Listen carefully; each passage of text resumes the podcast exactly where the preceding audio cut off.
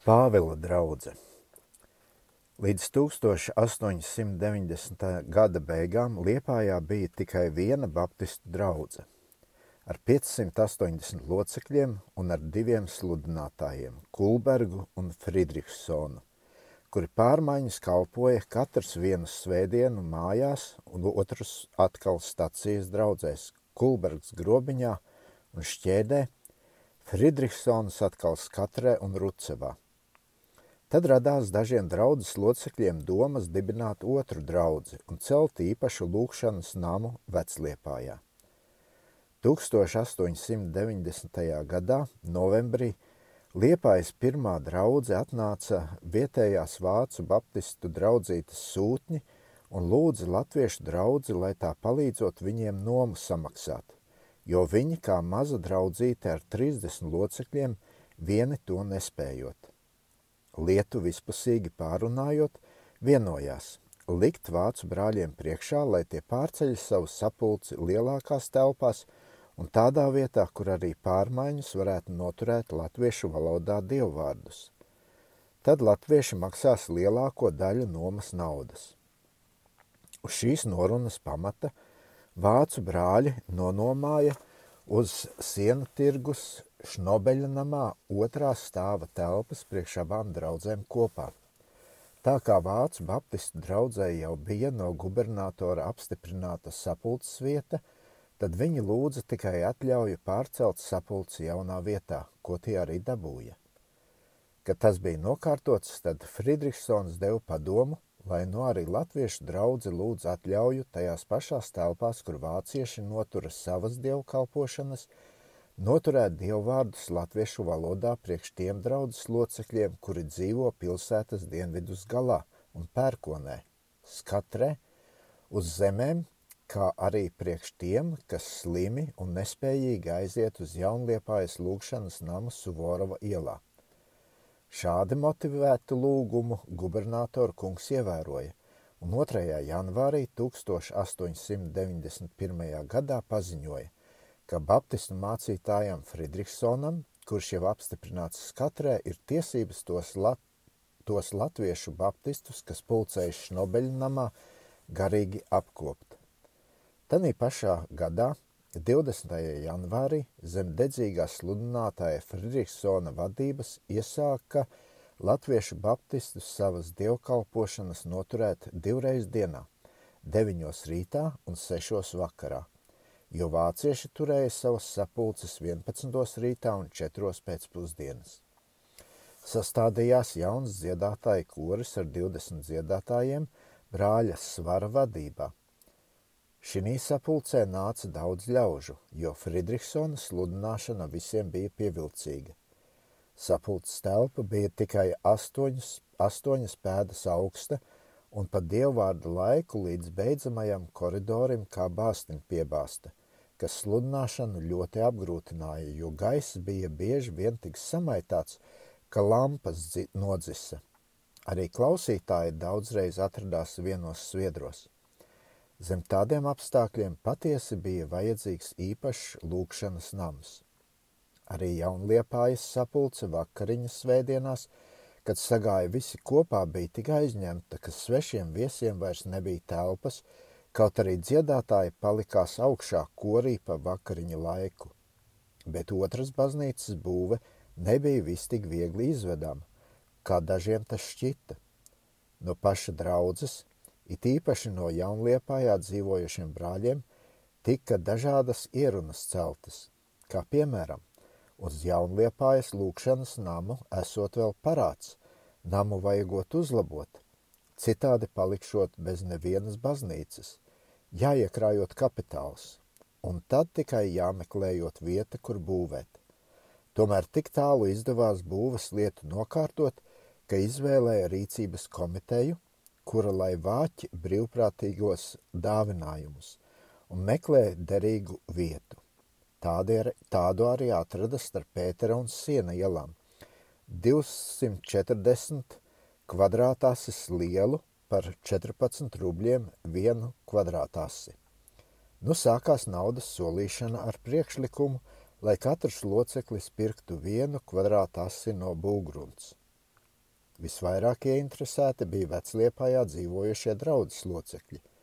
Pirmais solījis Friedrichsons pats priekš vienas asas, bet lielāko summu devis Grīnbergs, kurš bijis būvkomitejas priekšgalā līdz pat būves nobeigšanai. Vēlāk arī iesila jaunliepainieki, no kuriem Bethers un Rūja piedalījās katrs ar 150 rubļiem. Nāca arī mazāki solījumi. Kad placis bija iepirkts, būvēja atkal radās daudz kavēkļu. Friedrichsonam pat nācās atvest pristavu, policijas un tiesu darbinieks Krievijā līdz 17. gadam, kam, kam bija sastādīti protokoli, ka telpas Šnobeļa namā ir nedrošas priekš tādas lielas ļaužu drūzmas, jo kuru katru brīdi nams var sagrūt.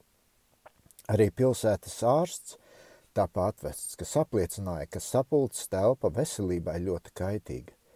Ar šādām liecībām nosūtīja otru lūgumu gubernatoram dēļ atļaujas būvēt, jo pirmais lūgums bija ticis atraidi, atraidīts ar piezīmi, ka latviešu baptistiem esot jau trīs lūkšanas sapulces Liepājā, un tādēļ vairāk nesot vajadzīgs. Bet bez jau divām minētām baptistu draudzēm Trešā bija domāta brāļu draudze, ja pareiza, pareizāk sakot, luterāņi, kuri no savas draudzes sadalījušies un ar bijušā baptistu sludinātāja Vasmaņa padomu uz baptistu vārda bija apstiprināti. Un tādēļ baptistiem stāvēja par kavēkli un valdībai par maldināšanu. Kauču arī vēl nebija atvēle, atvēle būvēt, tomēr uz būvi rīkojās un ziemā no 1892. uz 1893. gadu saved granti un akmeņus būvei. Ap šo laiku Friedrichsons iesāka slimot ar plaušu iekaisumu, kurš bija cēlies pa daļai no sliktā un netīrā gaisa augšminētā sapulcē, kā arī no rūpēm dēļ vajadzīgas atļaujas baznīcu būvēt, par ko viņš visvairāk bija gādājis. Slimība pieņēmās arvien vairāk, un draudze atvaļināja savu sludinātāju trīs mēnešus uz zemēm tīrā gaisā, bet veselību viņš vairs nepanāca, jo bija par vēlu. Ar vājām dzīvības zīmēm slimnieks jautāja, nu, kas zina, kad atnāks atļauja būvēt. 1893. gadā 8. jūnijā Pulksten desmitos rītā Friedrichsons no šīs darbības un rūpēm caur nāvi tika atsvabināts. Un trīs dienas pēc viņa nāves, kad viņš jau zārkā gulēja, pienāca no gubernatora atļauja būvēt. 12. jūnijā viņa miesas tapa guldītas ziemeļu kapsētā. Tā kā tanīs dienās katrē notika konference, tad abedīšana iznāca visai svinīga.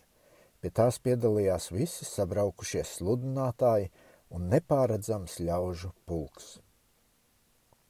Tagad sludinātājs Kulbergs palika viens pats par draudzi ar divām sapulcēm. Pra, par Friedrichsona pēcnācēju ievēlēja Sāmitu, kuru gubernators pēc trīsreizīga lūguma apstiprināja 1894. gadā 2. maijā. Nu varēja atkal noturēt dievkalpošanas, kuras Pa šo starplaiku bija palikušas retas, jo nevienam izņemot Kulbergu nebija brīvs sludināt. Arī būves darbus varēja atkal turpināt, un 1894. gada 15. augustā tika jaunbūvējamam lūkšanas namam pamata akmens iemūrēts sludinātāju Eihmaņa un Ruševica klātbūtnē. Bet vēl līdz šim laikam bija tikai viena draudze un kopīga kase – kā arī visas citas draudzes darīšanas kopīgas, līdz pienāca 1894. gada 6. oktobris, kad vecliepainieki pirmo reizi īpaši baudīja svētu vakariņu, un tā nu palika par īpašu draudzi ar 182 locekļiem. Kas vēlāk piedevās, tiem vajadzēja draudzes zīmes uzrādīt. Uz šo galīgo nodalīšanos spieda divi iemesli. Pirmais – No valdības sāmītim tika pieprasīts draudzes locekļu saraksts, un otrais – jaunliepainieku skubinājums uz atdalīšanos. Tā kā nu vairs nebija jaunliepainiekiem ar vecliepainiekiem nekādas kopīgas draudzes darīšanas, tad jo stingri pieķērās jaunās baznīcas būvei, bez kuras nebija paredzama draudzes uzplaukšana. Ziemā no 1894. uz 1895. gadu sataisīja beņķus, durvis, logus un sagādāja būvmateriālu, kuru tad visi, kuru tad visi draudzes locekļi, tā brāļi kā māsas, gāja katrs savu nakti sargāt.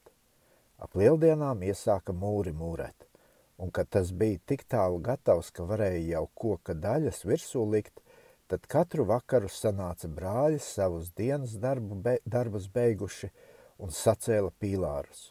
Uzvilka vērbaļķus, spāres un dēļus priekš griestiem un jumta, visu, ko amatnieki bija sakārtojuši, lai jo ātrāki būvi dabūtu gatavu, jo vecā, vecajā telpā – nobeidzās nomas termiņš.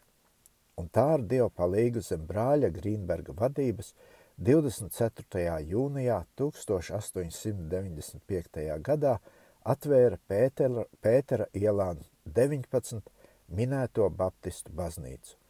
Toreiz draudzē valdīja mīlestība un vienprātība, caur ko draudze bija arī garīgā ziņā svētīta – Tā kā atvēršanas svētkiem varēja pievienot arī kristības svētkus, kuros 25 personas tapa kristītas. Tā kā mūsu draudzēm toreiz nebija tiesības iegūt uz draudzes vārdu nekistamus īpašumus, draudzes īpašumu krepost nodaļā norakstīja uz visu draudzes locekļu skaitā 222 vārdiem.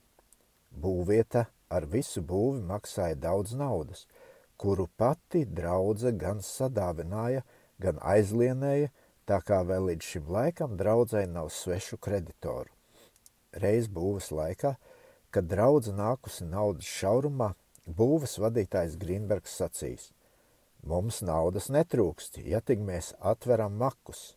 Solat šodien, cik jūs visi varat. Tad es došu viens pats tikpat daudz.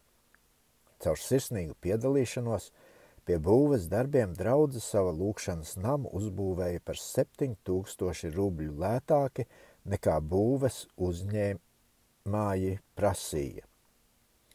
Pēc baznīcas uzcelšanas kādu laiciņu gāja ļoti jauki, bet tad arī nāca savas ēnas puses.